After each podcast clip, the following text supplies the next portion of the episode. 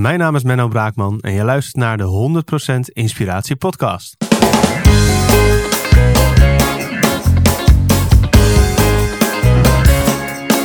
Hey, wat goed dat je luistert. Hij staat weer voor je klaar. Je wekelijkse dosis inspiratie is weer daar.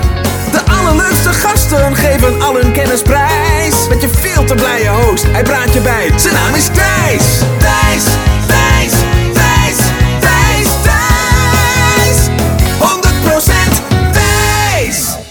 Welkom bij Intens 135 van de 100% Inspiratie Podcast. Ik ben al enthousiast en ik hoop dat jij dat ook gaat worden komende aflevering. Want ik heb Menno Braakman geïnterviewd. En soms ontmoet je van die mensen die zijn zo gefascineerd uh, met bepaalde essentiële levensvragen. Zoals Ehm, waarom doen mensen de dingen die ze doen? Uh, of in Menno's geval, hoe werken groepen? Hoe werkt de apenrots? Ja, dat deze mensen in mijn ogen, dat het onvermijdelijk is dat ze iets gaan doen met het delen van wijze inzichten over het leven. Bijvoorbeeld in de vorm van coaching of in de vorm van uh, trainingen of in de vorm van een interview in deze podcast. Nou, en waar heeft Menno dan zijn wijze inzichten vandaan? Ik ga gewoon een paar dingen noemen en dan moeten we vooral het interview in gaan rollen. Um, team Driver, dat is een methodologie over hoe teams functioneren en hoe projecten functioneren. De numerologie, iets wat best wel ver van mij afstaat, want het, het gaat over je geboortejaar, je geboortecijfer en wat dat zegt over jouw talenten en uitdagingen in het leven. Maar Menno heeft mij overtuigd uh, uh, door middel van een lezing van mijn uh, geboortedag en geboortejaar nou, ik was blown away. Daarover meer in dit interview. En wat ik het allermooiste vind, Menno legt um, de link tussen zowel teams, maar ook als individuen en de wetten van de natuur. En dat vind ik een hele mooie visie, want de wetten van de natuur die kun je volgens mij niet negeren. Sterker nog, ik denk dat we die met z'n allen te veel negeren. Nou goed, dat maakt dat dit interview, dat we eigenlijk alles op een hoop gooien. Alle dingen die Menno heeft onderzocht, van het spirituele tot het wetenschappelijke. En dat ik daar concrete tips, maar ook mooie verhalen uit probeer te halen voor jou als luisteraar over geluk en succes. Hier is Menno Braakman. 100% wijs! Nou ja, hij draait, Menno. Super. Spannend. Lekker. Wij, uh, wij kennen elkaar al een jaartje of twee. Ik heb jou ontmoet bij, uh, bij Sabine, die ik een jaar of twee geleden heb geïnterviewd. Ja. ja. En uh, ja, tot mijn positieve verrassing mocht ik uh, blijven na het interview om ook nog eventjes met jullie te lunchen. Zeker. En daar schoof jij aan in je sportoutfit. En nou, je ziet er nog steeds uit als een Adonis. Dus als sporten, dat gaat goed, denk tuurlijk, ik. Tuurlijk, En volgens mij ontstond meteen een soort van wederzijdse liefde tussen ons uh, allebei voor persoonlijke ontwikkeling. Jij liet mij een filmpje zien van een of andere gast die zei Dare to Dream en uh, Think Big en wat ik van het allemaal. Ja. En sindsdien hebben we altijd veel contact gehouden. Heb jij zelfs een keer een workshop aan uh, mijn team gegeven. Klopt. Van de duurzame adviseurs. Ja. Nou ja, en ik zou deze intro nog minutenlang vol kunnen lullen, maar we moeten vooral jou aan het woord gaan laten. Want je hebt veel verstand van, van numerologie, van het, het teamdriver systeem, van dieren, kleuren, de wetten van de natuur toepassen op persoonlijke ontwikkeling en teamontwikkeling. Ja. Oké, okay, en daarmee zeg ik heel veel met heel weinig woorden. maar dan nu, Menno, wat wil je worden als je later groot bent? Uh, ik heb geen uh, baan of functie of uh, zoiets in gedachten. wat ik vooral belangrijk vind is van betekenis zijn. En van betekenis zijn voor mensen die klaar zijn om zichzelf naar een volgend niveau te ontwikkelen. Uh, of om hun organisatie naar een volgend niveau te ontwikkelen. Waar je veel meer vanuit bewustzijn uh, gaat opereren en gaat acteren. Dan vanuit je hoofd. En vanuit sturen en duwen en trekken. En uh, het is een reis die ik zelf heb mogen afleggen. En nu mag ik dat doorgeven eigenlijk. Ja. En ik ben nog steeds op reis hoor. ik denk dat we nooit uitgeleerd zijn. Ja. Maar in ieder geval van betekenis zijn is wel iets wat een thema is wat steeds nadrukkelijker op de deur klopte. Ja, ja en dat, dat triggert bij mij twee vragen. Laat ik ze één voor één stellen. En de, de, de eerste vraag is, wat, wat geeft jou dat? Dus wat maakt dat jij daar gelukkig van wordt, een bepaalde betekenis uithaalt om dus andere mensen die er klaar voor zijn verder te helpen? Ja, ik word gelukkig van uh, als ik zie dat iemand door, door een gesprek wat we hebben gehad, of door een interactie, of door wat inzichten in zichzelf of in uh, de wetten van de natuur, waardoor dingen meer moeiteloos kunnen gaan, zichzelf in beweging gaat zetten. En ehm, het resultaat daarvan is dat mensen hun eigen, pad gaan lopen en gaan creëren en eh, gaan ondernemen. Of het nou binnen een bedrijf is of in hun eigen onderneming. En nou, daar krijg ik natuurlijk en soms dankbaarheid en waardering voor terug. Maar alleen al wat ik zie, eh, die beweging die ze maken, daar word ik al heel erg blij van. Want eh, ik zie dat ze vaak uit een, ja, een, een, een zone van chaos of stagnatie eh, helemaal stilstaan en het allemaal niet meer weten. En van daaruit doorpakken. En ja, dat is eigenlijk een voorbode voor, voor het volgende niveau. Maar je moet wel wat richtingaanwijzers hebben. Ja. Nou, dat vind ik altijd mooi om daar een rol in te spelen. En daar word ik heel gelukkig van, merk ik. Ja. Ja, en kun je je vinger erop leggen? Want, want dit herkennen denk ik heel veel luisteraars. Ik denk dat heel veel mensen het ook leuk vinden om op wat voor manier dan ook andere mensen verder te helpen in het leven. Uh, en kun je bij jezelf je vinger daarop leggen wat dan specifiek jij zo tof vindt om andere mensen te zien groeien? Nou, ik denk dat het te maken heeft met wat ik zelf natuurlijk heb meegemaakt. Op het moment dat je zelf hebt meegemaakt hoe het is om helemaal geen verbinding te hebben met jezelf of met anderen. Hoe het is om niet van, echt van betekenis te zijn, maar alleen maar meer geld te verdienen voor je baas of voor de klanten van je baas. Ja. Uh, en, en hoe weinig voldoening dat geeft. Je, je, je komt erachter dat heel veel mensen daarmee zitten. Dat heel veel mensen daar eigenlijk klaar mee zijn. En alles roept, ga voor meer betekenis. Maar ja, waar te beginnen? En wie ben ik dan? Waar ben ik dan goed in? En wat is dan mijn doelgroep? Welk probleem ga ik oplossen? Ja. Nou, dat is wel een mooie reis, maar het is wel goed om jezelf die vragen te stellen. En, en, en ja, omdat je zelf dat hebt meegemaakt van zonder voldoening werken en hard werken, ja, weet je ook hoe mooi het is als mensen zelf uh, op een gegeven moment die betekenis gaan vinden. Volgens mij noem je drie hele mooie sleutelwoorden. Je hebt het over betekenis, je hebt het over voldoening en verbinding. Ja. En ik denk een leven zonder betekenis, zonder voldoening en zonder verbinding is niet een leven waar ik voor zou tekenen. Nee denk dat het vrij lastig is om een leuk leven te hebben als je die drie niet hebt. Ja. Uh, dus volgens mij weet je precies ook de juiste triggers te noemen bij mij en bij mijn luisteraars. Van ja, die drie dingen. Ik luister niet voor niks naar deze fucking podcast. Ik wil betekenis, verbinding en voldoening. Ja. Um, en dan even nog mijn tweede vraag, gebaseerd op je eerste antwoord. Uh, en dan gaan we het ook zeker hebben over waar dat dan bij jou inderdaad is ontstaan. En, uh, en komen vanzelf bij toffe inzichten voor, voor ons. Ja. Um, je zei mensen uh, helpen, mensen uh, helpen om te groeien, die er klaar voor zijn.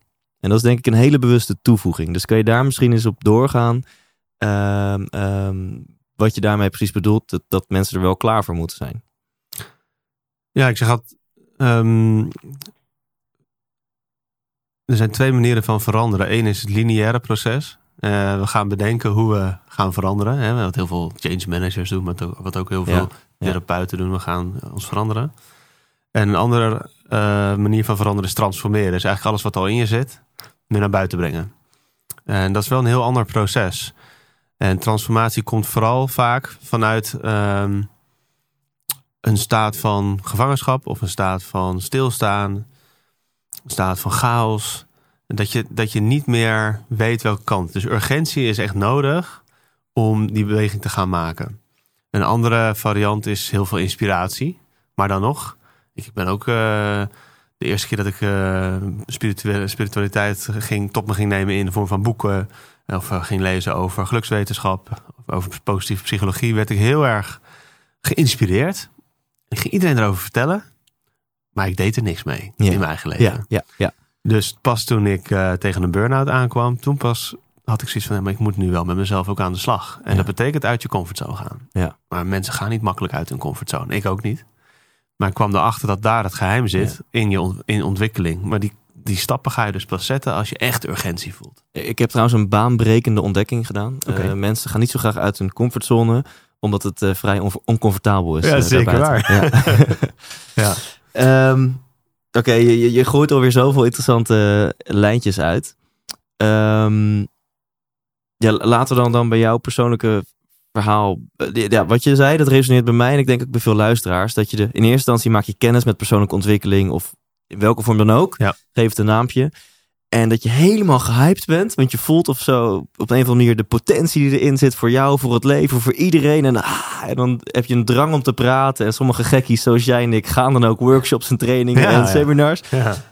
Tot je er een tijdje achter komt, oké, it's all in my head. Ik, ik lul erover, maar ik leef het niet. Ja, helemaal dat. Ja.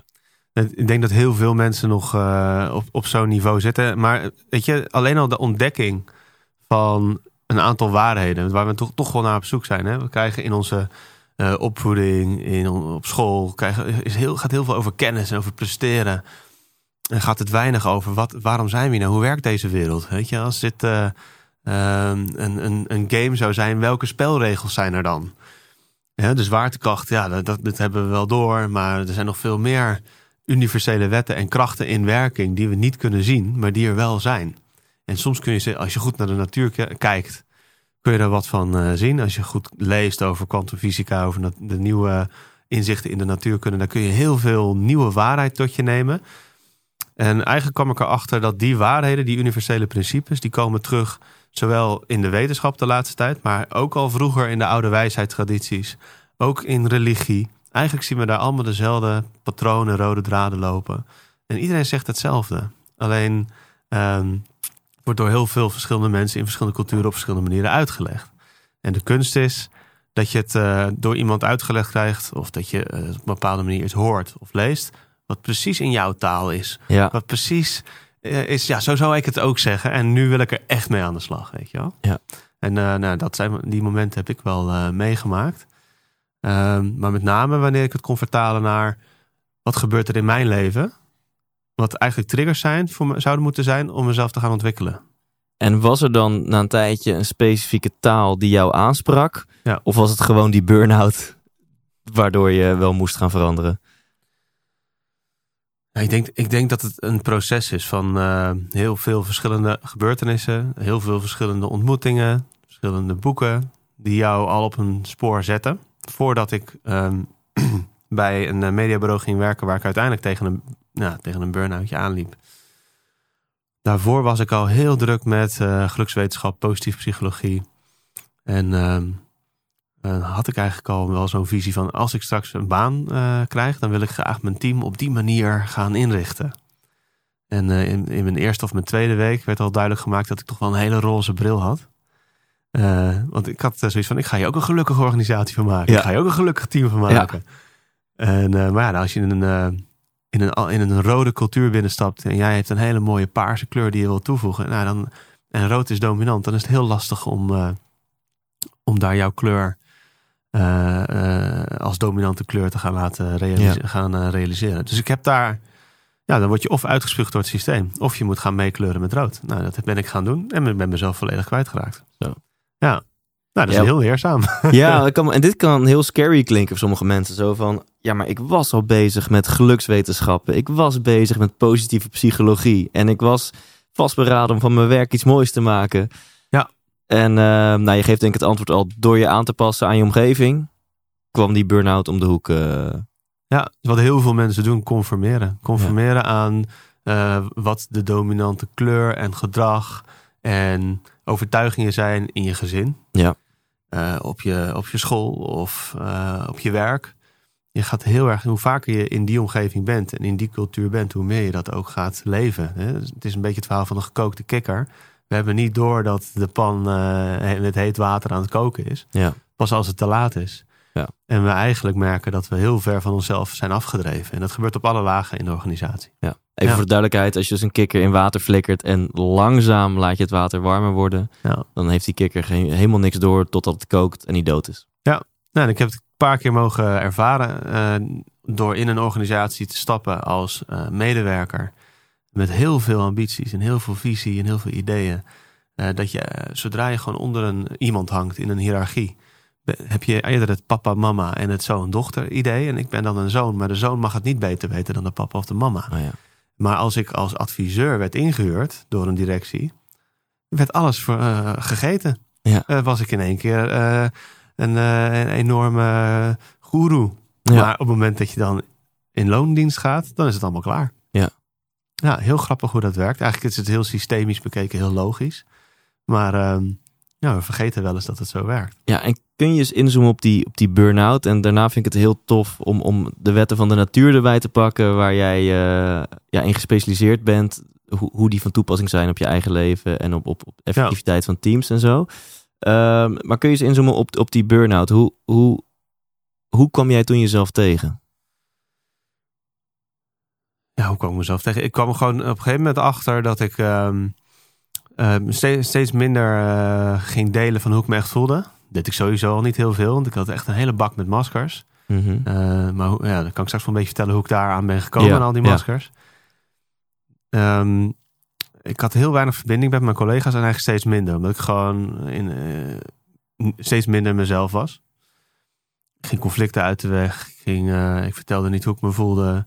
Eh, alles onder controle. Gewoon 12, 13, 14 uur per dag buffelen voor het bedrijf. Terwijl ik eigenlijk helemaal niet zoveel voldoening haalde uit mijn werk. En dan op een gegeven moment ja, wordt het eigenlijk alleen steeds steeds, steeds erger. Dus je krijgt ook op een gegeven moment een manager en, en mensen die op je vingers gaan kijken, waar ik helemaal niet tegen kan. Die je mails gaan controleren van, op, op punten en komma's. Eh, maar ik denk over het algemeen gewoon het gevoel van totaal geen verbinding meer hebben met mensen om je heen. Ja. En eh, een cultuur die gewoon helemaal niet aansluit bij, bij hoe jij in elkaar zit. Wat je eigenlijk wil, wat je wenst. En mijn diepste wens was eigenlijk in verbinding zijn met. Ik, ervoer, ik ervaarde wel heel veel verbinding met klanten die ik mocht helpen. Dat vond ik fantastisch. Maar voor mij werd steeds meer gevraagd om binnen aan de slag te gaan. Om mensen op te leiden of om een team aan de slag te zetten. Ja, dus je komt ook gewoon in functies of in rollen die helemaal niet bij je passen. Waar je gewoon helemaal niet blij van wordt. Ja, en dan eh, langzaam maar zeker merkte ik dat ik dus hoofdpijn kreeg op het moment dat ik het kantoor inging. Ja. Ja, dat waren wel de eerste tekenen. Eh, bij mij zag je het ook aan mijn haar. Eh, dat ik, als ik thuis ben, had ik krullen. Ja? En als ik dan een dagje kantoor kwam ik terug, had ik stijlhaar. Nee joh. Ja, fantastisch. En dan was ik weer thuis. En dan binnen een uurtje schoten de krullen er weer in. Dus door ontspanning krulde je haar en of door stress of spanning, ja, gewoon, ja, energieniveau. Ja, en energielevel. stress, Ja. Ja, absoluut. Wauw. Ja, grappig hè? Ja. ja. En dit is natuurlijk nog, dit, dit, dit is eh, eh, logisch. Een burn-out komt door te lang de verkeerde dingen doen in de verkeerde omgeving, dingen die jou energie kosten. En uiteindelijk zit natuurlijk een aantal lagen dieper. Kom je goed jezelf tegen en wordt even die taart in je gezicht geduwd. Ja. Eh, durf je daar wat over te delen? Wat, wat waren inzichten over 100% Menno die je daar ineens opdeed? Nou ja, de, mijn reactie was in eerste instantie, en ook best, best lang, eh, een aantal jaren dat ik daar zat, eh, dat ik iedereen om me heen de schuld ging geven. Dus die manager, die directeur, of eh, de, de, hoe het hier werkt, dat werkt niet. Dus eigenlijk ga je, ging ik mijn omgeving in eerste instantie de schuld geven. Maar ik had ook wel af en toe zo'n, wanneer je dan even uitzoomt, of even een weekendje weg bent of op vakantie bent, de realisatie van, ja, waarom zit je daar dan nog? Je, je hebt er 2,5 jaar gezeten. Ik was na 2,5 jaar de langst zittende medewerker. Er waren der- bijna 30 man doorheen in 2,5 Zo. 2,5 jaar. Alleen de finance afdeling en de directie zat er nog. En ik. Ehm, ja, waarom zit je daar eigenlijk nog? En toen kwam ik erachter van, nou, misschien moet- heb ik er dan wel wat te leren. Maar wat moet ik daar dan leren? En ik had gewoon geen idee wat dat nog was. En ondertussen was mijn energie zo laag. Dan kun je ook niet meer zo helder kijken naar jezelf Ja. en jezelf in Ja. het systeem zien. Dus ehm, daar moet je je energieniveau weer omhoog voordat je dat kan gaan realiseren. Ja. En ergens had ik wel behoefte aan wat richtingaanwijzers. Van wat betekent dit? Wat ben ik dan aan het doen wat ik nu mag leren? En daar kwam ik pas achter toen mijn vrouw me naar een numeroloog stuurde. En eh, die gaf me inzichten die eh, verbazingwekkend goed klopten. Heel veel herkenning. En een aantal dingen die nieuw waren, waardoor er precies die kwartjes vielen die moesten vallen. En eh, ik werd daar echt ge- doorgegrepen. Ik ben meteen, mijn, als de theorie-nerd die ik ben, mijn hele familie gaan uitrekenen. En al mijn vrienden, die werden denk ik ook een beetje gek van me. En eh, dat klopte ook zo goed.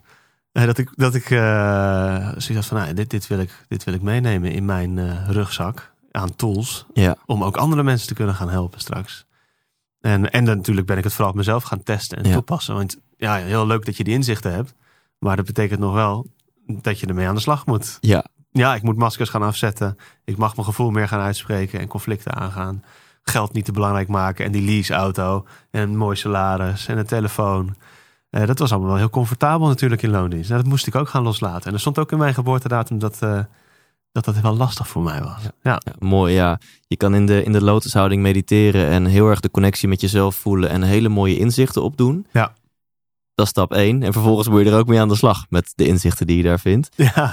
Eh, en je had het net over taal. Is dit dan de, de taal die jou het meest aansprak? De numerologie. Dus vanuit je geboortedatum, de, de, de conclusies over jouw karakterprofiel, zeg maar. Ik heb eh, heel veel verschillende soorten numerologie daarna nog bekeken. Ja. En ik merkte dat er eigenlijk nou, ontzettend veel varianten zijn. En ontzettend veel verschillende talen die uitleggen wat een getal betekent. Alleen dat de variant die, eh, die ik dan eh, eh, van Theo, de numeroloog, Theo Jeukens, heb ervaren. Die was zo qua taal zo simpel en zo krachtig en zo waar. Dat het meteen resoneert. Niet alleen maar met, met je hoofd, dat je herkenning hebt. Ja. Maar echt op zielsniveau word je gewoon geraakt van ja, dit is inderdaad wie ik ben. En ik mag nu mijn echte heldenreis pas, gaat, begint nu pas. Dus het is echt, ja, Ja, het resoneert gewoon. En, en even een korte toelichting voor de luisteraar. Want ehm, of je erin gelooft of niet, moet je voor jezelf bepalen. Maar ik ben van nature vrij kritisch op dit soort dingen. En horoscopen en shit heb ik nooit echt heel erg in geloofd. Ja. En toen zat ik bij jullie aan de, aan de keukentafel twee jaar geleden. En jij had het hier over. Ik zei nou, 3 april 1988 is mijn geboortedatum.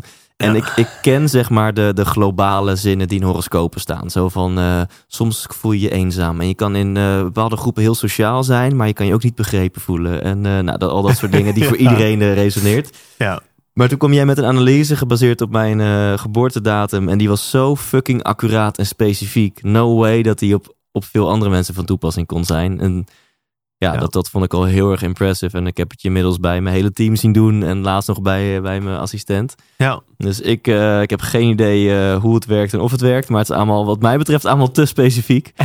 Ehm, wat, wat kwam er dan voor jou uit toen, midden in je burn-out, waar, wat die taart in je gezicht duwde? Van, ah, dus ja, wat voor mij heel duidelijk was, was met name dat ik, eh, eh, nou, dat is wel goed om dan uit te leggen. In mijn eh, middelbare schooltijd ben ik eh, een paar jaar gepest. Eh, waardoor ik eigenlijk ja, me niet zo fijn voelde, heel eenzaam. Eh, ik, ik bungelde onderaan die apenrot. Zodra iemand eigenlijk niet aardig tegen mij deed, of zodra iemand heel dominant of heel agressief was, eh, had ik, ging ik meteen in een lage energie, was ik meteen niet meer in staat om daar goed op te reageren. Ja, onderweg naar huis wist ik altijd precies wat ik moeten doen of zeggen. ja, En dat gebeurde zo rap. ehm, ja, dat ik gewoon niet het vermogen had en niet de weerbaarheid had. Ik had zoiets van, als ik aardig doe tegen jou, dan kan je toch ook gewoon aardig doen tegen mij. Ja, dat is heel leuk bedacht. Maar op de apenrots werkt het niet zo. Ehm, het heeft mij echt geïnspireerd. En, en heel erg, wat me blijft intrigeren is, wat drijft mensen? En wat drijft groepen mensen? En hoe werkt zo'n groep? Ja. En hoe werkt een apenrots? Ja. En dat, dat, dat ehm, toen heb ik bedacht, toen ik ging studeren, dan moet ik gewoon zorgen dat ik bovenop die apenrot sta. Dat ik de, alfamannetje ben. Dan ben ik niet mensen gaan pesten, maar ik ging wel de populaire man uithangen. Eh, dus heel populair, de nar, de grappen maken, gek doen. Snelle leven. ja, En op, mijn- op mijn werk was ik meer de professor, dus ik wist alles van alles. ja, En eh, daardoor kwam ik eh, op mijn werk, kreeg ik wel eens terug, vrij arrogant over. Dus ik had heel veel maskers gecreëerd, waardoor ik veel makkelijker kon overleven, sociaal en op mijn werk. Eh, waar het vroeger echt niet fijn was, ja, kon ik nu ja, wat fijner leven, maar wel Ja. overleven. Ja. Maar ik kwam er op een gegeven moment achter dat ik eigenlijk geen verbinding had met mensen. Ik had heel, niet vrienden, maar drinkenbroeders. ja, Geen relaties met vrouwen, maar scharrels. Eh, en op, mijn- op mijn werk ja, kennen mensen vooral de, de snelle Menno, maar niet eh, wat er allemaal van binnen echt, echt gebeurde. En ik merkte dus dat ik toch wel een verlangen was om naar meer verbinding. Naar een echte relatie. Maar ik, ik kwam niet op dat punt om die maskers af te zetten. Want het allerengste wat ik me voor kon stellen was iets kwetsbaars laten zien. Waarschijnlijk uit angst om weer onderaan die apenrots te gaan bungelen. ja, Dat ik weer ja. eh, die eenzaamheid en die pijn zou voelen. En die lage energie. En dat wilde ik niet meer. Dus nou, dan maar maskers. Tot het moment dat het dus duidelijk werd vanuit de numerologie van Menno. Jouw maskers zorgen ervoor dat mensen met jou geen verbinding kan maken. En jij niet met mensen. En dat je dus eigenlijk ehm, ja, jezelf gevangen houdt. En eh, niet verder door kan ontwikkelen. En verbinding met jezelf en met anderen is het belangrijkste wat er is. Ja. En in relatie tot anderen leer je natuurlijk het meest. En ik ging alle conflicten uit de weg. Dat was een ander getal. Mhm. Eh, een, een zes is dat. Ik ging ze gewoon niet aan. En ik sprak me niet uit. En je kan natuurlijk op inhoud kan je een discussie hebben en het niet eens zijn. Maar vertellen, ik heb last van jouw gedrag tegen mijn manager of mijn directeur of mijn collega. Ik heb last van jou. Ja, dat, dat durfde ik gewoon niet te zeggen. En eh, ik eh, kwam er dus achter dat ik daarmee mocht gaan oefenen. Ja. Het allerengste wat er is. Voor mij dan, hè. Maskers afzetten en het conflict aangaan. Maar het kon in één gesprek, in één zin. Hi, ik heb last van jouw gedrag. En het ligt aan mij, dat ligt ook aan jou. Maar je moet het wel weten. En waarschijnlijk zijn er wel meer mensen die daar last van hebben. Eh, aangezien je mensen uitkaffert of omdat je niet zo aardig bent. En, dat Ja. zat, en ik kwam dus achter dat ik steeds dezelfde mensen aantrok in mijn leven. Die me dezelfde les wilden leren. Dus eerst waren dat buurjongens die eh, me pesten. Daarna waren dat mensen op de middelbare school, jongens die mij pesten. Daarna waren dat dominante managers en directeuren waar ik last van had. Dus eigenlijk kom- komt die... Ja, vroeger zei ik, wat een klootzak en wat een klote situatie. Nu zeg ik, dit zijn trainers en trainingen die mij die lessen aan het leren zijn. Waardoor ik veel meer eh, alles als een oefening en als een training kon gaan zien. Maar ook mezelf de ruimte gaf om dat af en toe eh, eh, op mijn bek te gaan. En dat de training niet sla- slaagde. En af en toe, dat merkte ik, ja, het lukt. Ik heb mijn masker afgezegd. Ik ben dus op een gegeven moment in een periode van een aantal maanden... naar iedereen, naar, in ieder gesprek... als allereerste ben ik gaan vertellen... Ja, ik ben vroeger heel erg gepest. Keken ze me aan. Vertel je dat? Ja. Nou, kon ik in ieder geval een beetje uitleggen... Dat, dat ik daardoor heel geïnteresseerd ben in wat mensen drijft... en waarom ik de dingen doe die ik doe.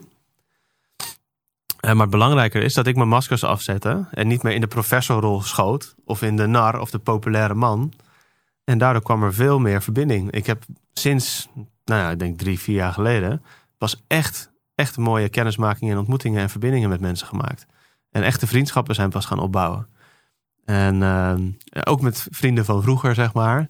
Sommigen blijven, sommigen gaan weg. Ehm, ja, weer hele, een hele nieuwe kennismaking. En ik merk ook als ik numerologie gebruik in relaties, in groepen, in organisaties. eh, of, of nou tussen vader en zoon, of vader en dochter, of tussen twee eh, mensen is die een liefdesrelatie hebben. Die inzichten in wie je eigenlijk bent en wat je te leren hebt, zorgen ervoor dat je op een heel ander niveau verbonden raakt. Ja, en dat niveau slaan we meestal over. Wie je eigenlijk bent en wat je te leren hebt. Ja, echt op zielsniveau verbinding. En heel veel mensen wensen dat wel. Dit is ik. sowieso een tof verhaal. Tof dat je het deelt. En, en een heel eh, logisch verhaal ook. Je, je- Menno werd ooit gepest Ja. door, door, I don't know, alfa mannetjes, gassies die, die het voor elkaar kregen om eh, zich boven jou te boksen op de apenrot. Ja. Dat was oud. En toen heb je een tijdje geleerd, je bent blijkbaar een goede chameleon. Dus je hebt geleerd om, eh, om je aan te passen. Ja. Eh, en dat werkte. Dan werd je niet meer gepest. Maar alles komt met een prijs. En de prijs die jij moest betalen was, ja, nu is, nu is het leven is, is overleven geworden. En het lukt. Ik word niet meer gepest. Maar die maskers zorgen ervoor dat ik het nummer één ding mis waar het leven om draait. En dat is echte verbinding. Ja. En de numerologie, de cijfers van je geboortejaar en eh, geboortedatum, die drukte die taart in jouw gezicht. En, en, en hoe was het dan om daarna. Eh, ja, kan je wat vertellen over dat proces om die maskers weer af te doen? Want daar komt dus automatisch ook weer die angst bij kijken. Van ja, als ik die maskers af ga doen, dan kunnen mensen mij pijn doen. Ja. Dus hoe kan je wat vertellen over dat proces van die maskers weer afdoen? Ja, het is, het is eigenlijk altijd hetzelfde bij, eh, bij eh, de getallen die in geboortedatum staan. De, de uitdagingen die daarin staan, staan zijn altijd super simpel en super eng. Dus zo ervaarde ik dat ook. Van ik weet precies wat ik moet doen. Maar op het moment dat ik dan dat je in zo'n situatie zit, dat, zit waar je weer voelt, oh, iemand vertoont dit gedrag en mijn energie loopt weg. Ja, dan is het heel belangrijk om je bewust weer naar. Voor mij was het helemaal goed om naar ademhaling te gaan. Wat toch een hele mooie manier is om weer je energie op een goed niveau te houden. En om dicht bij jezelf te blijven. En daarnaast gewoon het bewustzijn hebben van... Menno, eh, je mag nu gaan vertellen dat je last hebt van iemand. En je mag nu vertellen Ja. hoe je eigenlijk in elkaar zit. De eerste keer eh, eh, dat je dat wil gaan doen, lukt dat niet. Loopt, je loopt gewoon weer ouderwets vast. Ja. Eh, de tweede keer denk je halverwege nu, nu, nu en het komt er niet uit. Ja, ja, ja, zit je in je hoofd? Zeg het nou. Zeg Ja, het nou. Ja. En de derde keer is het aan het begin van het gesprek gewoon doen. En ook al staan, ja, staan de tranen in je ogen, je moet het een keer, je moet er een keer doorheen. En ik merkte hoe vaker ik dat deed, hoe makkelijker het me afging. En, en dan het ook makkelijk om het op een hele liefdevolle manier terug te geven. In plaats van dat, je, dat er een soort mini-explosie plaatsvindt. Ja, wat een mooi voorbeeld. En ik denk, dit is toch een toffe boodschap voor iedereen die luistert. Als je op dit moment een uitdaging of een probleem of een crisis hebt in je leven. Goed nieuws en slecht nieuws. Ja, De oplossing is super eenvoudig en super eng. Ja. En voor jou was de oplossing zo eenvoudig als één zin. Zeg eens een keer, hey, ik heb last van jouw gedrag. Ja. Alleen wel knijtereng om die, eh, om, om die over je lippen te krijgen. Absoluut. Ja, maar het, het resultaat is, is een hele nieuwe dynamiek in elke relatie. En eh, ook mensen die eh, dominant gedrag vertonen, die zijn er heel vaak niet zo bewust van. Ja. En sterker nog, die krijgen meestal helemaal niks terug van anderen over hun gedrag. Ja. Eh, dus die vinden het wel eens fijn om, om ook wel wat terug te krijgen hoor. Dus ik merkte eigenlijk dat ik daardoor enorm snelle, door zo'n kleine verandering, enorm veel zelfvertrouwen kreeg in vaker uit mijn comfortzone gaan. Mhm. Dus ik ben het gewoon veel meer gaan opzoeken. Van, oh, nou ja, dan ga ik dat enge ding ook maar doen. En dat enge ding Ja. ook. Want je merkte dat het resultaat helemaal niet, zo, helemaal niet zo erg was. Want de angst is misschien dat mensen zeggen... hoe heb jij het lef om dat te zeggen? En een sukkel die je bent of zo. Dat is misschien de angst. Nou, of dat, dat, dat, eer, dat je denkt van, nou, dan zien ze me of als zwak, of ze zijn het niet eens. Maar ze kunnen het niet eens zijn, eh, niet, niet eens Ja. zijn met hoe jij je voelt. Dat is Precies. geen mening, Precies. Eh, dat is gewoon hoe ik me voel. Maar wat waren de resultaten die... Want ik denk dat de resultaten zo promising waren... dat jij dacht, hé, hey, maar dit ga ik vaker doen... en hier ga ik mee experimenteren en dit voelt goed. Nee, het, voelt als bevrijding. Nee, je, je bent gewoon jezelf. Je, kan, je bent veel vaker jezelf. En heel vaak lopen we natuurlijk rond met maskers op. Ook al is het niet je belangrijkste probleem dat je maskers hebt. Maar zodra we op ons werk zijn, zetten we ons professionele masker vaak op. Kunnen we niet helemaal onszelf zijn. Ja. En hoe meer je jezelf mag zijn, eh, in al je mooie en lelijke kanten, ehm, hoe makkelijker jij je gaat bewegen en hoe me- meer je je ook kan ontwikkelen op de plek waar je het meest bent door de week. Dat is toch vaak op je werk. Ja. Dus ik gun iedereen die, die veiligheid ehm, in een cultuur om jezelf te mogen zijn. En anders ben jij misschien wel degene die dat open kan gaan breken door gewoon veel meer van jezelf te durven laten zien. Ja. En ehm, ja, het heeft mij heel veel gebracht. Dus echt een, eh, veel meer verbinding met mensen. Maar ook met mensen waar ik last van had. Daar kreeg ik steeds minder last van. Eh, zo in de numerologie noemen we dat wel eens. Je hebt een bepaald eindexamen van jouw getal. En dan komt die grote eindbaas nog een keer langs. die, eh, die jou verrot scheldt of heel ver- vervelend tegen je doet. En op het moment dat je dan ehm, ja, toch durft te zeggen: Ik heb last van jouw gedrag, joh, dit, dit, zo wil ik niet met jou werken. Ja, dat, dat, dan merk je dat je daarna niet meer die mensen aantrekt. Dus die training, Ja. die trainers, heb je niet meer nodig. Ja. Dus je trekt ze ook gewoon niet meer aan. De Ja. wet van de aantrekkingskracht eigenlijk. Sowieso, inderdaad, die mogen op een tegeltje, man. Het zijn geen klootzakken en klootsituaties, maar het zijn trainers en trainingen. Ja. Ehm, en heel tof wat je, want ik vroeg van, hey, wat is dan het resultaat? En dat het eigenlijk niet zozeer gaat om hoe die ander reageert, want dat is ook weer externaliseren, maar het gaat er puur om hoe het voor jou voelt om eerlijk te zijn. Ja. En dan is de reactie van die ander, ja, dat- die kan boos worden of die kan gekwetst zijn of die kan whatever, maar jij merkte, holy fuck, wat voelt het als een bevrijding om gewoon die, dit te benoemen. Ja, en ik heb nog nooit meegemaakt dat ze boos werden. Eigenlijk. Dus eh, je mag er best op vertrouwen Ja. dat eh, ook mensen die soms boos eh, ogen, of duidelijk, Ja. of dominant, niet per se ook zo zijn. En komt het Dan komen ze misschien... wel snel over. Ja. Zeker op mensen met sensitievere getallen in hun geboortedatum. Dus, dus wel als gaaf, als talent hebben dat ze heel intuïtief sterk zijn of sensitief sterk zijn.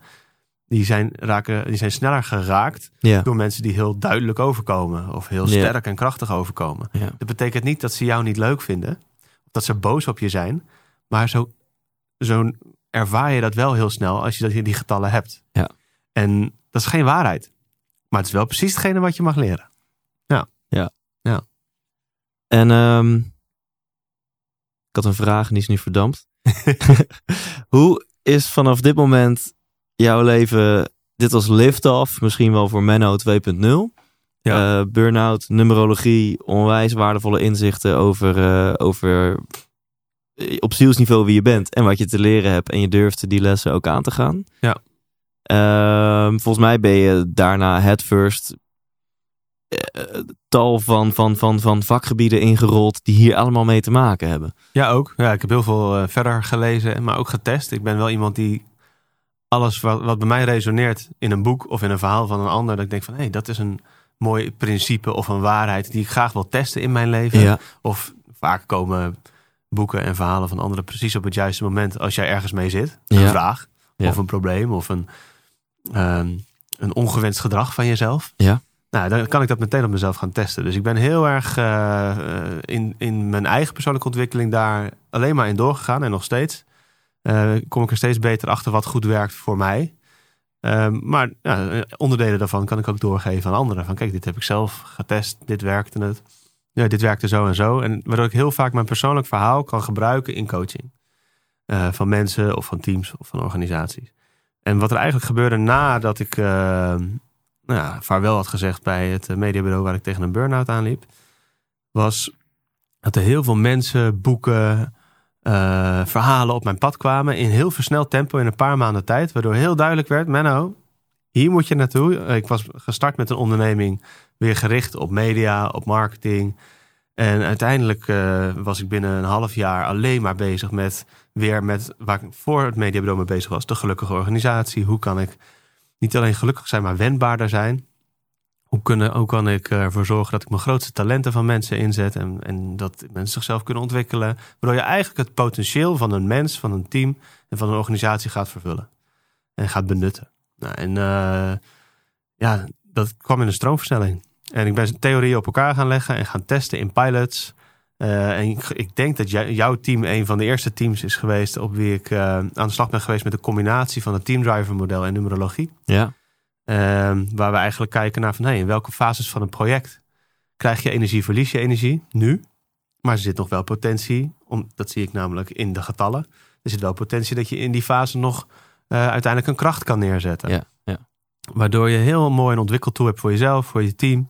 Maar ook kan zien of je team mooi divers is en complementair. Of dat je alleen maar innovators hebt. Of alleen maar systeemmensen die voor de klant zorgen elke dag. En geen innovators. Ja. Ehm, en daar ben ik eigenlijk steeds meer ja, in gaan doortesten. Dat blijkt waanzinnig te werken. Om niet alleen je team slim in te richten. Maar vooral ook om de gesprekken te gaan voeren eh, met de maskers af. Waardoor er veel meer verbinding plaatsvindt. Ja. En eh, er zitten, we praten niet over valkuilen. We praten niet over zwaktes. Alleen maar over potentie en uitdagingen. Hoe je die potentie gaat benutten. Waardoor er echt zo'n sfeer komt van... Nou, we gaan dit avontuur aan. Maar ook heel veel bewustzijn. Nou, inderdaad, in, in deze fase hebben we nog geen mensen die daar nu energie van krijgen. Maar wel potentieel Ja. dat we kan, kunnen gaan ontwikkelen. Hoe kunnen we daarmee omgaan? Dus dat is een hele, hele mooi En- proces En geweest. wa- wat, wat ik zie als rode draad door jou, jouw zoektocht, en daarom resoneert het zo bij mij, want ik ben ook zo'n gekkie die maar blijft zoeken naar eh, Ja. wijze lessen en inzichten over eh, persoonlijk geluk en succes. Ehm, je hebt overal gezocht, van, van kleuren tot nummers, tot dieren, tot wetenschappelijke dingen, tot positieve psychologie, et cetera. Ja. En de rode draad daardoorheen eh, zijn volgens mij natuurwetten geworden. Ja. Ehm, kun je daar eens wat over vertellen?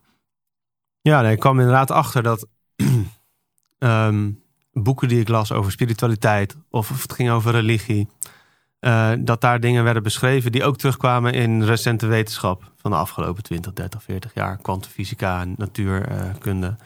Waar eigenlijk wordt beschreven hoe zit het universum in elkaar. Dus die wereld waar wij in leven, hoe werkt dat eigenlijk? En hoe kunnen we daar eh, van die wetten, hoe kunnen we die benutten in ons Ja. leven? Waardoor eigenlijk alles veel moeitelozer gaat. Net Ja. zoals in de natuur alles vanzelf gaat. Ja. Alleen mensen hebben het vermogen om tegen natuurlijk gedrag te vertonen. En dat kunnen we met ons, door ons ego en ons wilskracht. Van, nou, ik wil dit. En ik ga daar duwen en trekken. Ja.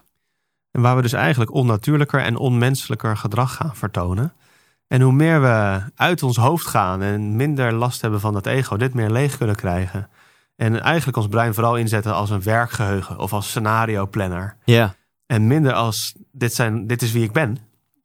Want dat is niet waar. Ja. En op het moment dat je daarachter komt, dat je eigenlijk een expressie bent van het universum waar alles één is. Maar het, het uiteindelijk in verscheidenheid, dus een, een combinatie van talenten die iedereen heeft.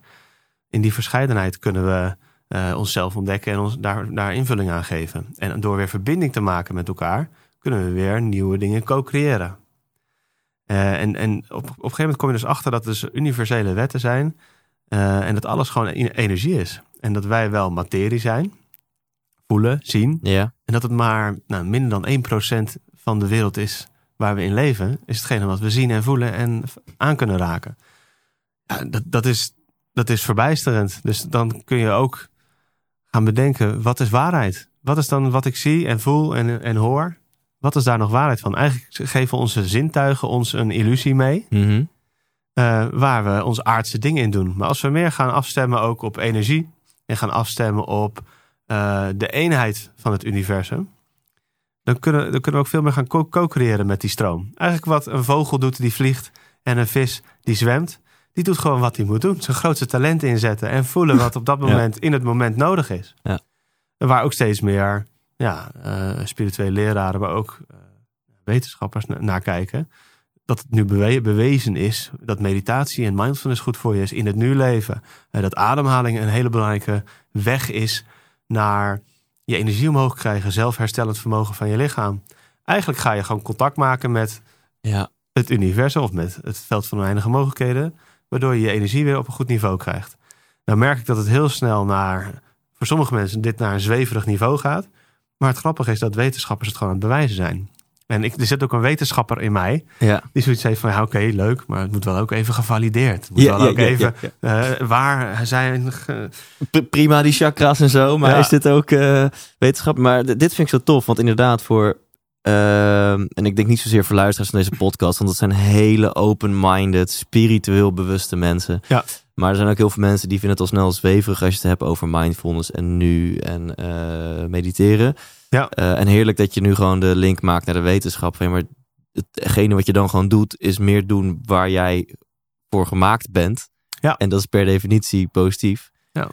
Eh, en en wat, je, wat je eerder zei, ik denk dat dat heerlijk resoneert. Je had het over in de natuur is alles moeiteloos. Nou, bij dat woord moeiteloos merk ik al van, ah, wat lekker. Ja, dat en, wil ik. En daarna zei je, maar wij zijn zo goed in staat om met ons kop, eh, met onze kop, ehm, er tegenin te gaan. Ja. Manifesteren, nu komt een vraag. Manifesteren is natuurlijk een hele belangrijke, hele veel voorkomende term in persoonlijk ontwikkelingsland. Met de secret als kloppend hart in het Ja. midden. Hè? Ja. Manifesteer je rode BMW, manifesteer je, je droom, je ideale partner. Je manifesteert dat miljoen op je bankrekening. Ja.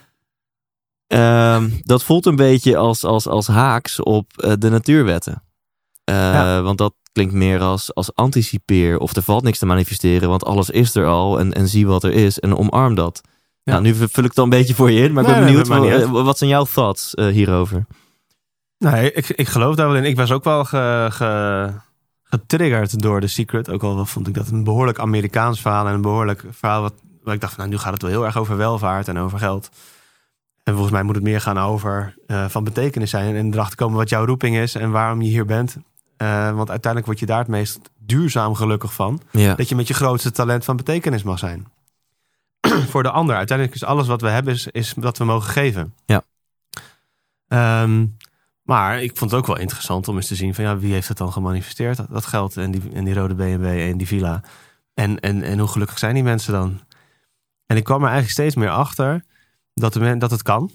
Ja, en dat, eh, maar dat als je alleen maar focust daarop, dat, je heel, dat het heel makkelijk is om te vergeten dat er nog meer is in het leven wat belangrijk voor je is. Waar je eigenlijk echt gelukkig van wordt. Namelijk echte verbinding met mensen, vriendschappen, relaties met je vrouw, met je kinderen. Ehm, denk aan eh, eh, alles wat je mee mag, wil gaan maken, waar je gelukkig van wordt. Ehm, en vooral daar merk ik dat mensen die alleen maar aandacht hebben gegeven aan het materiële succes, dat ze vaak heel eenzaam zijn. Ja, dat ze, dat ze heel weinig mensen om zich heen hebben met wie ze een echte verbinding Ja. hebben. Omdat die aandacht zit alleen maar op dat geld. En dat zie je eigenlijk dat te veel aandacht voor het materiële en voor geld ervoor zorgt dat je steeds onmenselijker wordt eigenlijk. Dat zie je ook in organisaties. Hoe meer het gaat om winstmaximalisatie, hoe meer de personeel, het personeel wordt gezien als personeelskosten en de klanten worden gezien als marge. Ja. En dan zien we ook meer onmenselijk gedrag. Dan gaan we niet meer zo goed om met de human resources en de aardse resources, die, eh, die branden op. Ehm, dus daar is het mooi dat er steeds meer mensen op dit moment wakker aan het worden zijn. En soms moeten we even stilgezet worden voordat we wakker worden. Dat noemen we dan burn-out. Dat is Mhm. puur de natuur die zegt, ik zet je even stil. Want als je niet stilstaat, kun je ook niet voelen en even uitzoomen wat er nodig is. En waar het echt eigenlijk om draait. Eh, dus even ons kompas herijken als organisatie, als mens. Nou, dat is eigenlijk wat ik iedereen gun. En die wet van de aantrekkingskracht, die laat eigenlijk zien dat je inderdaad alles kan manifesteren wat je wil. Maar hoe meer dat in lijn is met jouw pad, waarom je hier bent, hoe meer daar versnelling op zit. ja, Nou, dus dan, dan, ik lees ook heel veel over synchroniciteit. En over hoe dat dan werkt. Dat veld van oneindige mogelijkheden en het creëren van en het manifesteren van. Dat is niet alleen maar aantrekken. Dat is co-creëren met de zich ontvouwende toekomst. Ja. Eh, dat is wat anders dan alleen maar ik wil nu dit hebben. Nee, dat is hoe mag ik dienen? En dat is een vraag van een ander paradigma, van een ander Zo. trillingsniveau. zo. Dat is een heel andere vraag. Ik wil dit hebben versus wat mag ik dienen? Ja, hoe mag ik dienen? Hoe Hoe mag mag, ik van betekenis zijn? En eh, vaak eh, mensen die het niveau van dit wil ik nu hebben, hebben bereikt, die komen erachter dat het eigenlijk weet je, dat het niet gelukkig maakt en dat je alleen maar meer wil. Het maakt je heel erg onrustig als je alleen maar met de wereld van vorm en van materie bezig bent.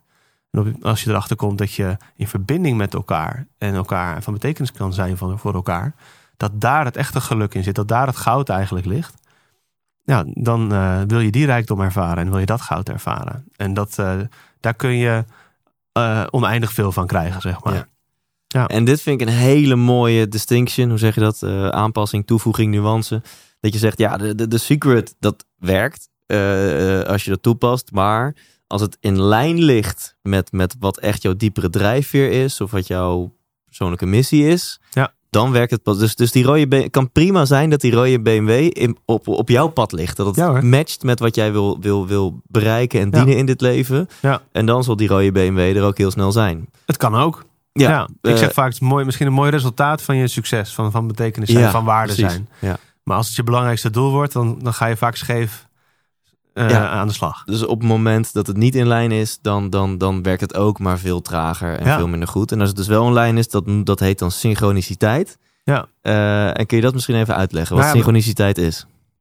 Op het moment dat jij een, eh, een heel duidelijk hoger doel in je leven hebt, heel duidelijk weet waar daar wil ik van betekenis zijn, dit wil ik realiseren. Mhm. En dat mag best een heel groot doel zijn. Het Ja. mag best uitdagend zijn. En je gaat vanuit dat, dat grote doel kijken naar wat moet ik dan doen om dit te manifesteren. Maar ik ga dat niet een lineair proces laten zijn. Ik maak een plan en ik ga dat helemaal eh, minutieus volgen. Maar ik laat veel meer het ook gewoon ontstaan in ontmoetingen, in mensen en boeken en verhalen die op mijn pad komen en gebeurtenissen die ik meemaak. Waardoor ik veel meer ga lezen en voelen en zien.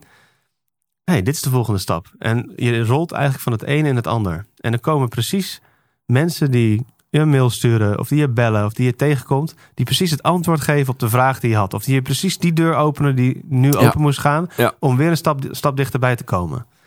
Eh, en waardoor het steeds makkelijker wordt om te vertrouwen in dat daadwerkelijk de kosmos samenspant met datgene wat je wil manifesteren, wat helemaal op jouw pad ligt, wat bij jou Ja. hoort. En dat, dat, daar zijn talloze verhalen van. En er zitten altijd genoeg uitdagingen in waar je weer even geremd wordt en weer even terug wordt gezet. En waar je je eigen draken mag verslaan. Het gaat niet allemaal vanzelf. Om dan weer naar een volgend level te komen. Eh, dus dat, daar zit altijd een, een persoonlijke ontwikkelingsreis in. Ja, ik, ik ga hier expres op door, want ik vind het zo machtig interessant. Omdat ik ook in mijn eigen persoonlijke leven de wetten van manifesteren ken en heb toegepast. Zowel op de foute als minder effectieve manier. Mooi. En dan het ene moment, dan, dan, dan, dan, dan verzet je hemel en aarde. En op een wonderbaarlijke wijze trap je honderd mensen in een theaterzaal. En ja, heb je gemanifesteerd dat jij er die show doet. Ja. En eh, merk je vervolgens dat het eigenlijk nog helemaal niet jouw moment was. En, en, en dat je het wel hebt gecreëerd, maar op een niet duurzame wijze. Ja. En een paar jaar later laat je het los. En in mijn geval ineens heb je twee impresariaten die op de stoep staan van willen jou tekenen en willen een tour met jou gaan doen. Ja, mooi Dus- voorbeeld van die helderreis, ja. ja. Ja. Maar eerst moet je nog heel wat draken verslaan. Er gebeuren er hele heftige dingen in je leven. Ja. Die, eh, waar je even doorheen moet. Eigenlijk doorleven. Er, er kwam een training op mijn pad. En er was ook een trainer, kan ik je vertellen. Zeker. Je bent goed getraind de afgelopen Ja. jaren, Thijs. Ja.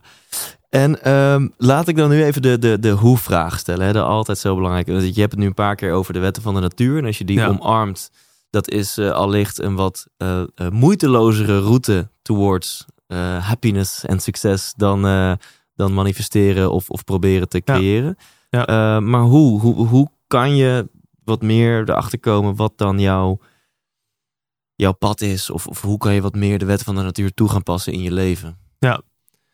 Ik denk dat het belangrijkste is dat je erachter komt wat je grootste talenten zijn. En dat je daarmee aan de slag gaat. Ehm, dat je erachter komt met welk probleem of welke doelgroep je iets hebt. Voor wie je van betekenis wil zijn. En soms, als je er alleen daarmee bezig bent. Ik ben er een keer een jaar lang mee bezig geweest. Van ik wil nu weten voor wie eh, ik hier ben. En eh, ik kwam er niet achter. Ja. Ik heb een jaar lang in de put gezeten. Ja, Ja, dat is niet leuk. nee. Maar het is wel heel goed om je te realiseren dat dat dus niet de manier is. Echt naarstig zoeken naar dat ene hoge doel, maar dat je gewoon je pad moet gaan lopen. Ik, weet nog een mooie tekst van eh, een Aboriginal vrouw in de film Down to Earth. Die zei: eh, Als jij je pad gaat lopen, komt je bestemming vanzelf naar je toe. Maar iemand mag je wel wat richtingaanwijzers geven van wat is dan jouw pad en waar, hoe, waar zet ik dan die eerste stap op dat pad? Ja. En daar ben ik wel een beetje achter gekomen.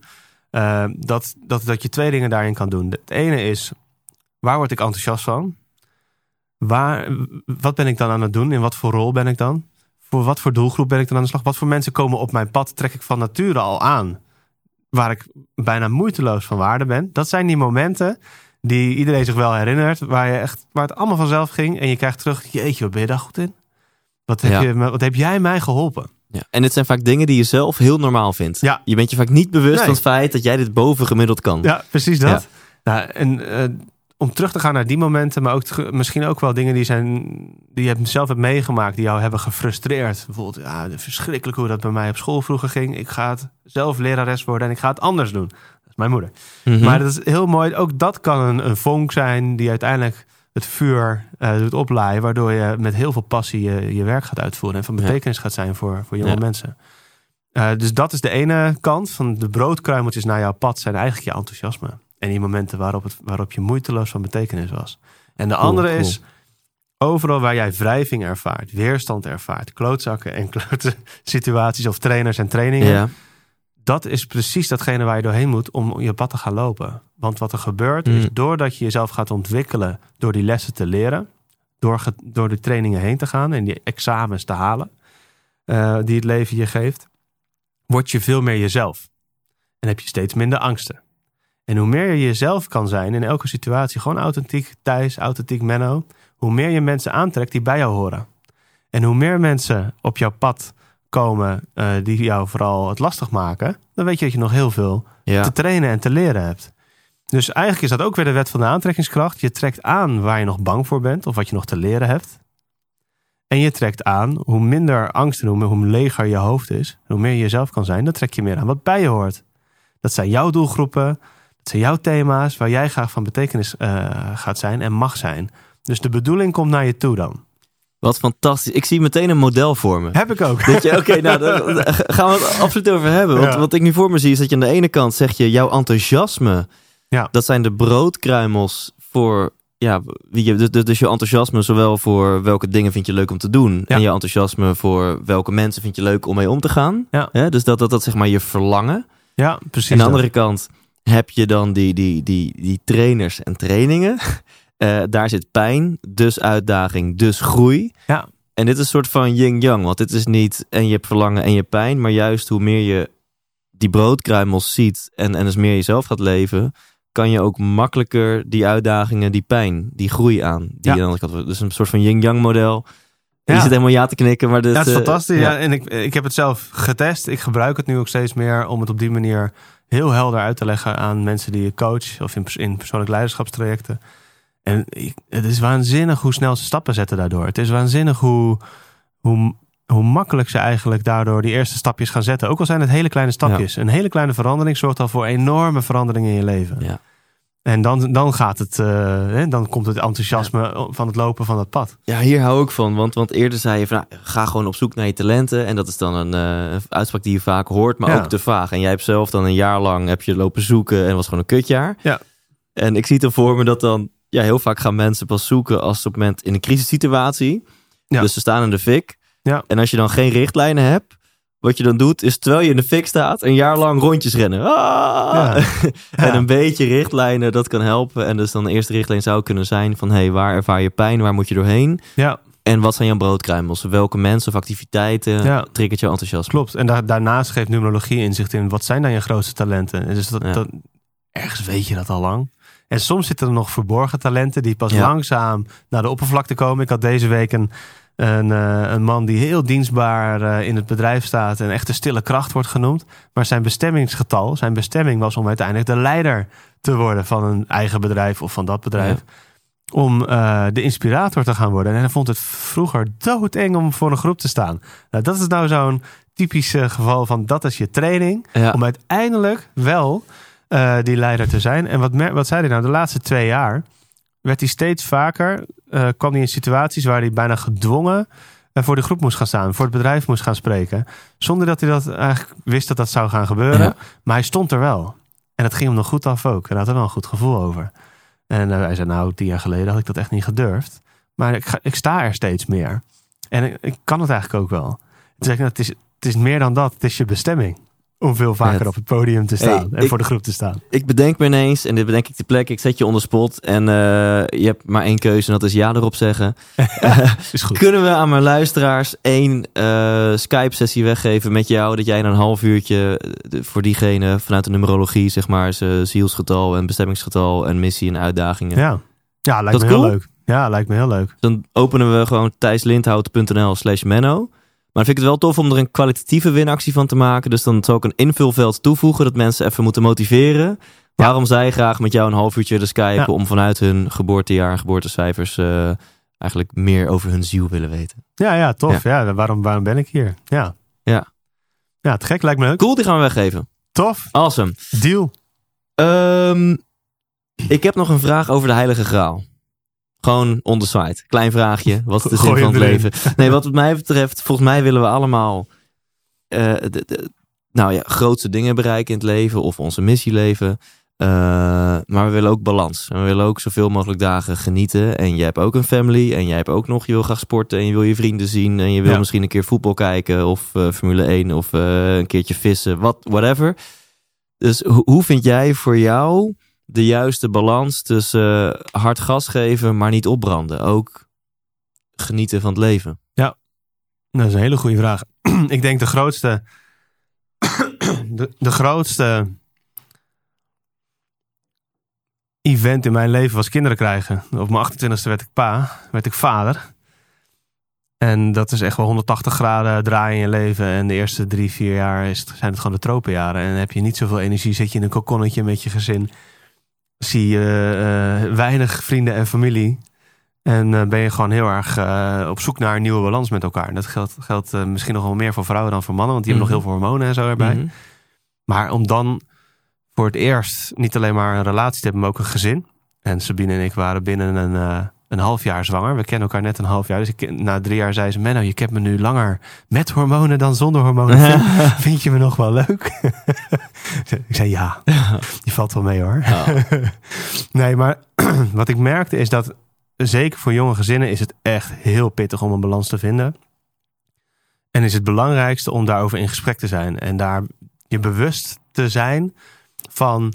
is er een goede balans in onze relatie, in ons gezin... in heb ik genoeg dingen voor mezelf die ik nog kan doen? Nou, de eerste drie jaar waren er gewoon heel, was er gewoon heel weinig tijd. eh, en aandacht daarvoor. Je bent gewoon, bent gewoon bijna nou ja, de helft van je tijd papa en de helft van je tijd mama. Ja. Dus dan is het echt wel heel erg zoeken naar die balans. Maar ik denk dat je steeds eh, daardoor bewust wordt van... hé, hey, mijn, mijn lijf geeft iets aan. Ik moet, moet gaan, weer gaan sporten. Of eh, ehm, ik moet aan de slag met voeding. Ik moet, ik moet beter gaan slapen. En wat is het effect van drie jaar lang niet slapen? Nou, die hebben wij ook meegemaakt. wij hebben drie jaar lang zijn we, gewoon, zijn we iedere nacht wakker geworden van onze jongste. Ja. Ehm, dus het, het is een hele mooie les over vitaliteit en over balans.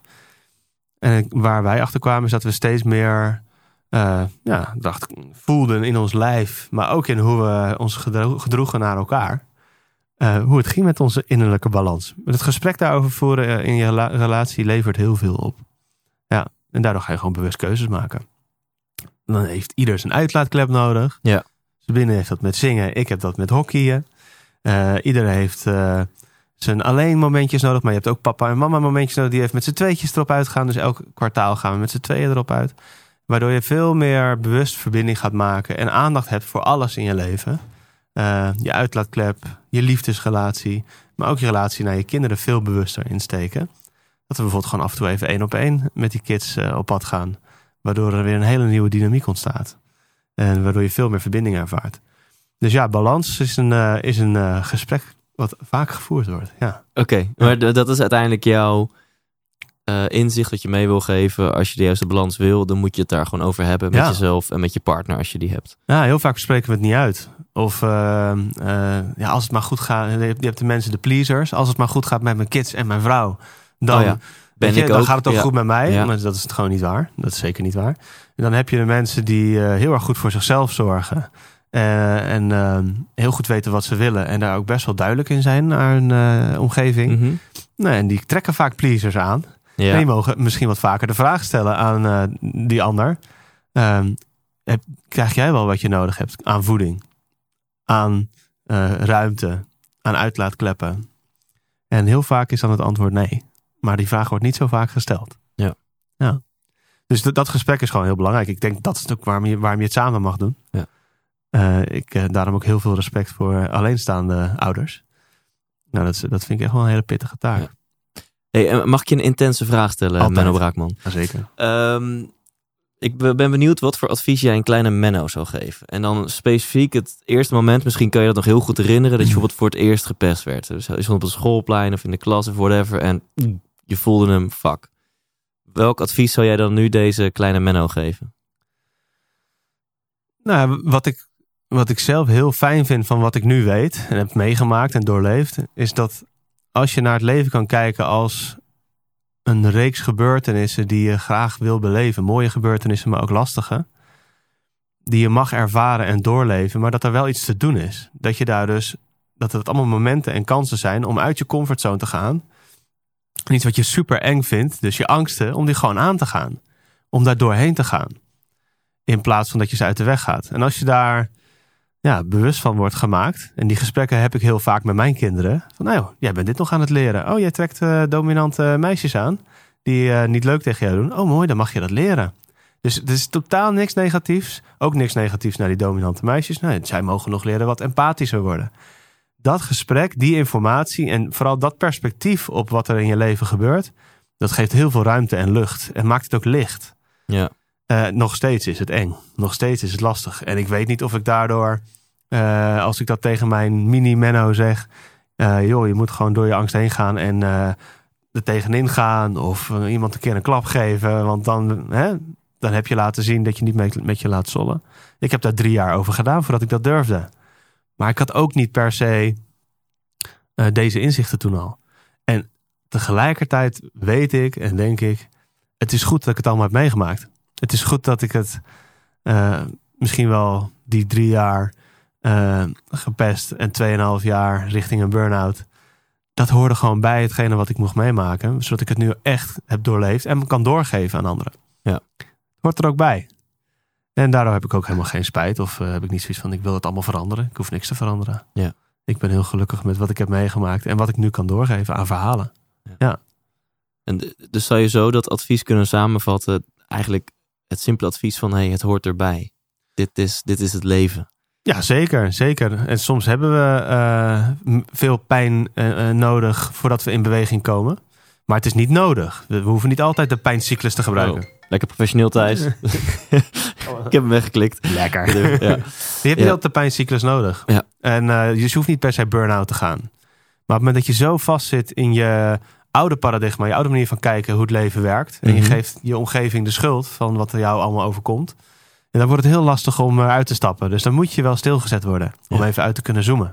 Ja, en dat vind ik zo tof. wa- Wat je net al kort bij de voorstelling zei over on- een onderdeel van de natuur is, is stilte, vertraging. Dat Ja. hoort erbij. Ja. Eh, en dat vinden we in het leven, in het bedrijfsleven, vinden we het maar vervelend. Ja. Ehm, Ja, het, is, het, is, het is iets wat we eigenlijk niet geleerd hebben. We hebben van jongs af aan leren we dat we eh, moeten werken, presteren. En hoe, hoe meer we werken, hoe productiever we zijn. Dus hoe meer van onze tijd wij productief zijn, eh, hoe beter we het doen. Ja. Nou, dat is heel mooi als je een, eh, een- in de fabriek werkt. Dan is dat heel erg waar. Maar dat, we werken niet meer in fabrieken. Al lijkt het af en toe wel mhm. zo op een school of in een gemiddeld bedrijf. Max, minimale input, maximale output. Ja, Nee, we zijn mensen die in verbinding met elkaar kunnen co-creëren en daardoor nieuwe oplossingen voor de problemen van nu en van morgen kunnen Ja. creëren. Dat is een heel ander paradigma. Maar wat je zegt. ehm,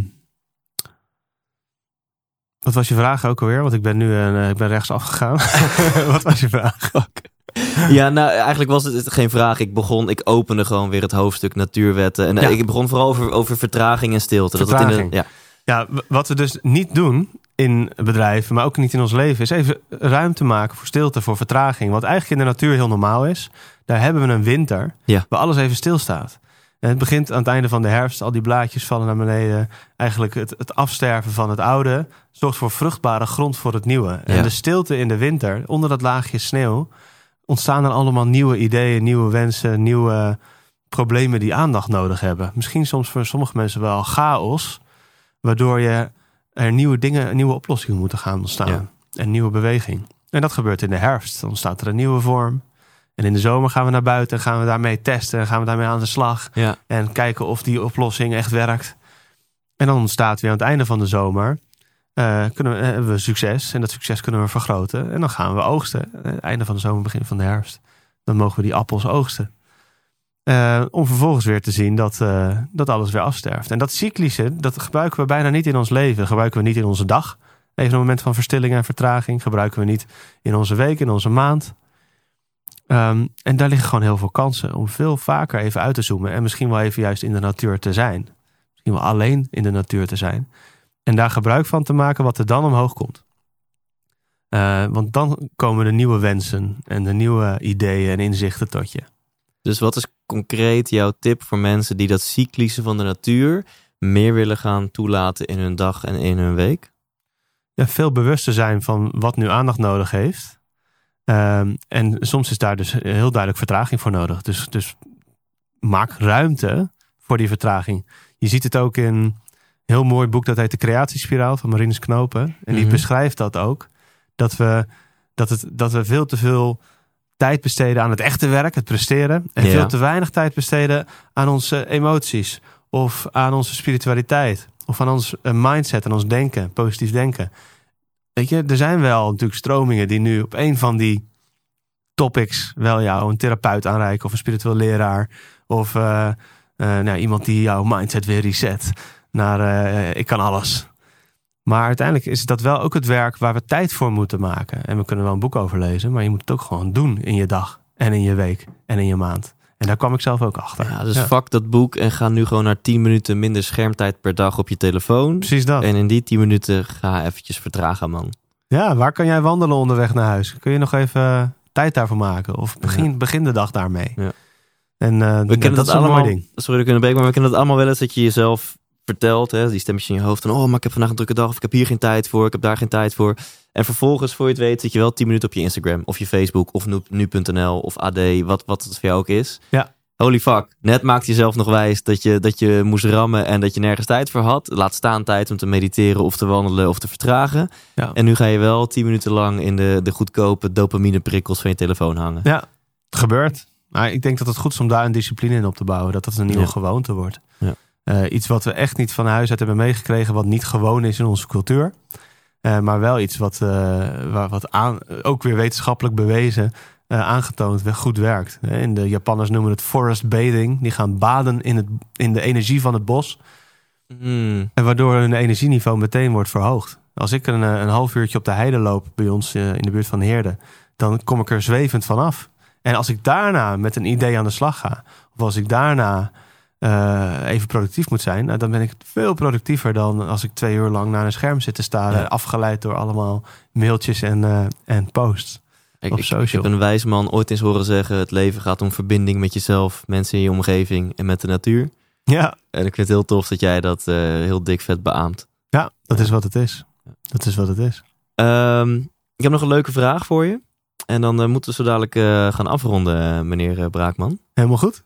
Tof, wat een leuk gesprek. Ja, vind ik ook. Ehm, ja, de rode draad van dit gesprek is wat mij betreft vind je pad in het leven. En hebben we heel veel verschillende middelen je aangereikt en inzichten en zelfs ook concrete tips die Ja. je dan- dan kunt gaan toepassen om jouw pad in het leven te vinden.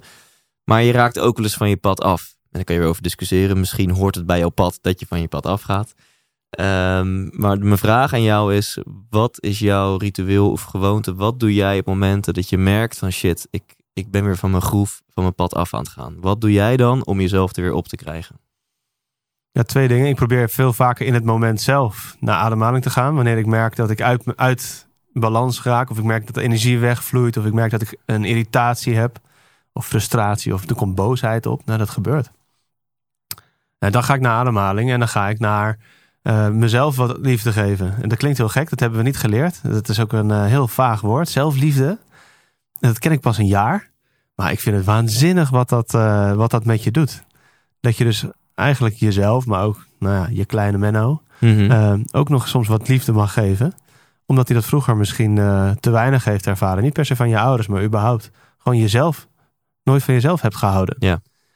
Ehm, dus dat is een hele belangrijke voor mij. Soms eh, wil ik, haal ik mezelf uit de situatie om eventjes echt, als het te veel wordt, overwhelming is, dan eh, loop ik even een rondje of ga ik even naar buiten. Eh, dat gebeurt vooral thuis. Hè. Kinderen kunnen behoorlijk eh, eh, af en toe je trainers zijn, zeg maar. Nou, en dat gaat echt sinds, sinds ik daar aandacht voor heb en daar mee bezig ben, sinds een jaar waanzinnig. Heb ik veel meer verbinding. Mhm. Natuurlijk kan je nog steeds begrenzen, maar je kan ook liefdevol begrenzen en opvoeden. En dat gaat steeds beter. En een derde ding wat ik doe is, en soms kom je pas aan het einde van de dag, wanneer je terugkijkt op je dag, en dan bedenk ik altijd waar ben ik dankbaar voor. Maar waren er ook momenten dat ik een bepaalde emotie voelde, waar misschien nog een aanknopingspunt is om wat te leren, om te, om te ontwikkelen. En dat hou ik dan bij van, nou, wat was de trigger? Wat voelde ik dan? Waar voelde ik dat? Wat voor emotie was dat? En dan ontdek ik dus thema's. Dan ontdek ik gewoon een nieuw thema waarin ik mezelf nog kan ontwikkelen. Ja. Of dat ik niet helemaal mezelf kon zijn. Dat het dus weer een mini-maskertje voorkwam.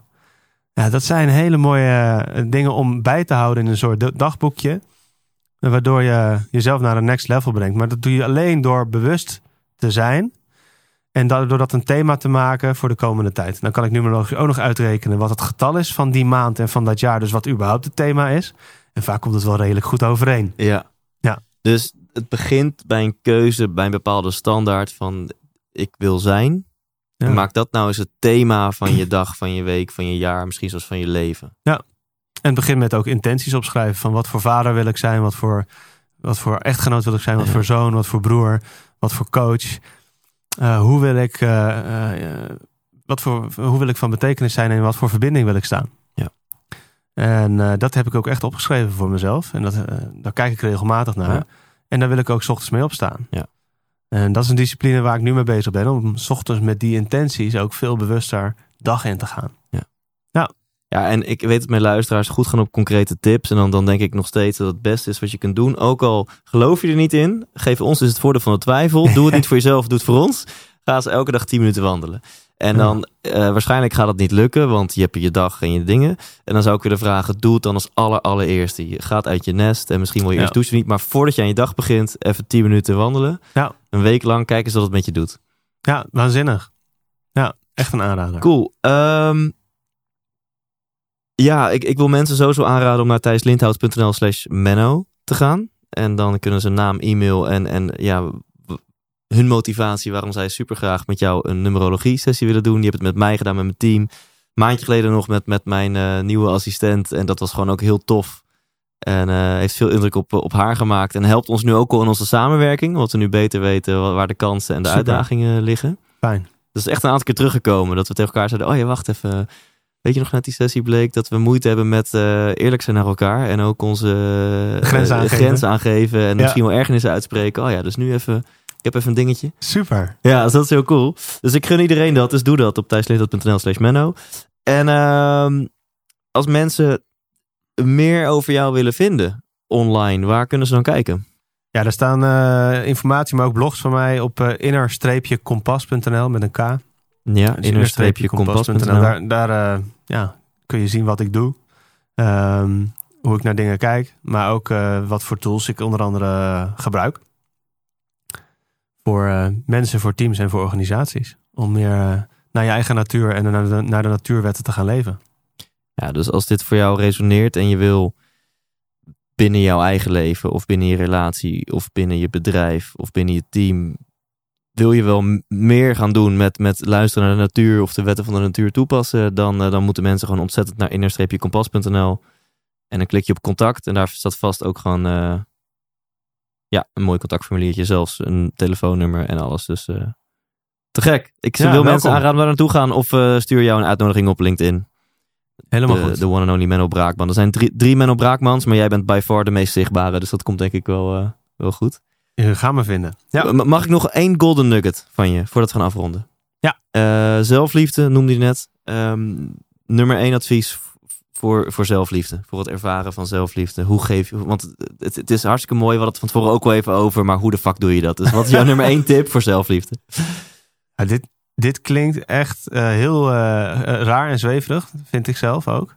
Ja. Maar dat is het niet. Het, het is namelijk heel belangrijk om te ontdekken dat, dat jouw kind van vroeger nog steeds in jou zit. Ehm, en dat je daar naartoe kan gaan door ademhaling. Door je neus in en door je mond uit. Heel belangrijk. En door een hele rustige en diepe gelijkmatige ademhaling, eh, matige ademhaling te hebben, kom je naar binnen. Iets wat heel weinig, wat we niet hebben geleerd in onze cultuur, in onze tradities. Maar naar binnen gaan zorgt ervoor dat je contact kan maken met jezelf, met je ziel en met nou ja, alles wat er is. En contact maken met jezelf, daar kun je tegen jezelf zeggen: Het is goed, ik hou van jou. Ook al heb je het verkloot, ik hou nog steeds van je. Eh, en ook al eh, voel je je nu niet fijn of onveilig, of je, wordt, je hebt boosheid in je, ik hou van je. Het hoort erbij, het is goed. En alleen al die woorden hebben een magisch effect. Ja. Door, je wordt zo kalm en je bent zo veel meer in balans en je kunt precies datgene doen wat nodig is in de situatie waar je, waar je Ja, in zit. Tof. Ik denk het alleen al stap 1 van deze oefening van wees bewust van het feit dat dat kind, denk maar eens aan de vier jaar oude versie van jezelf, zes jaar oude versie van jezelf, twaalf jaar oude versie van jezelf. Ja. Dat kind zit nog steeds in je. Dat Ja. ben je nog steeds. Dat, dat, dat voelt al eigenlijk als een soort van opluchting. Ja, en dat kind kan steeds meer één worden met wie jij echt bent. Met wie je nu bent. Dus Ja. je kan zelf wel veel verder zijn eh, in je ontwikkeling. Maar ook in hoe je naar het leven kijkt. Maar af en toe merk je nog steeds dat er heel veel onbewust gedrag zit. Eh, waar je weer in die, in, dat oude, in die oude groef, in die diepe groef. Ja. Die is ontstaan in die eerste acht jaar van je leven. Waar je in een staat van hypnose verkeerde. Eh, die is daar eigenlijk ontstaan. En daar, daar, daar mag je veel meer verbinding mee gaan maken met dat kind. Waardoor dat kind gewoon meegaat naar wie jij nu bent geworden. En dat is eh, een veel verder ontwikkeld en een, veel, een mens met veel meer zelfvertrouwen. en met heel veel te geven. Met heel veel waarde. En dus dat, die, dat, die zelfliefde komt dan, zorgt dan voor meer, die, meer verbinding tussen jouw Ja. kind en jij. Neem je kind zijn mee naar de persoon die je nu bent. Ja, ik ben er nog druk mee bezig. Ja, ja. ja. dat is denk nog een mooi iedereen. proces. Dankjewel Menno.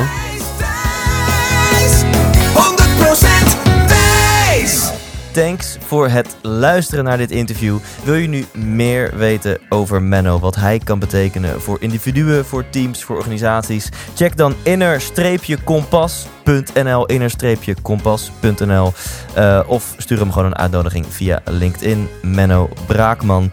En ben je nu nieuwsgierig? En dat kan ik me heel goed voorstellen. Na dit interview, waarbij we zoveel onderwerpen hebben aangeraakt van zoveel verschillende eh, met zoveel verschillende zienswijzes dat je nieuwsgierig bent naar Thijs. Wat is nou jouw grootste inzicht? Jij hebt al zoveel mensen aan het woord gehoord en wat haal jij hier nu weer uit? Nou, meld je dan aan op ikwilgeluk.nl en dan mail ik jou dit weekend wat dat grootste inzicht voor mij is. En dan sta je sowieso op mijn mailinglijst en ontvang je altijd leuke updates. Bedankt voor het luisteren en tot volgende week. Leef intens.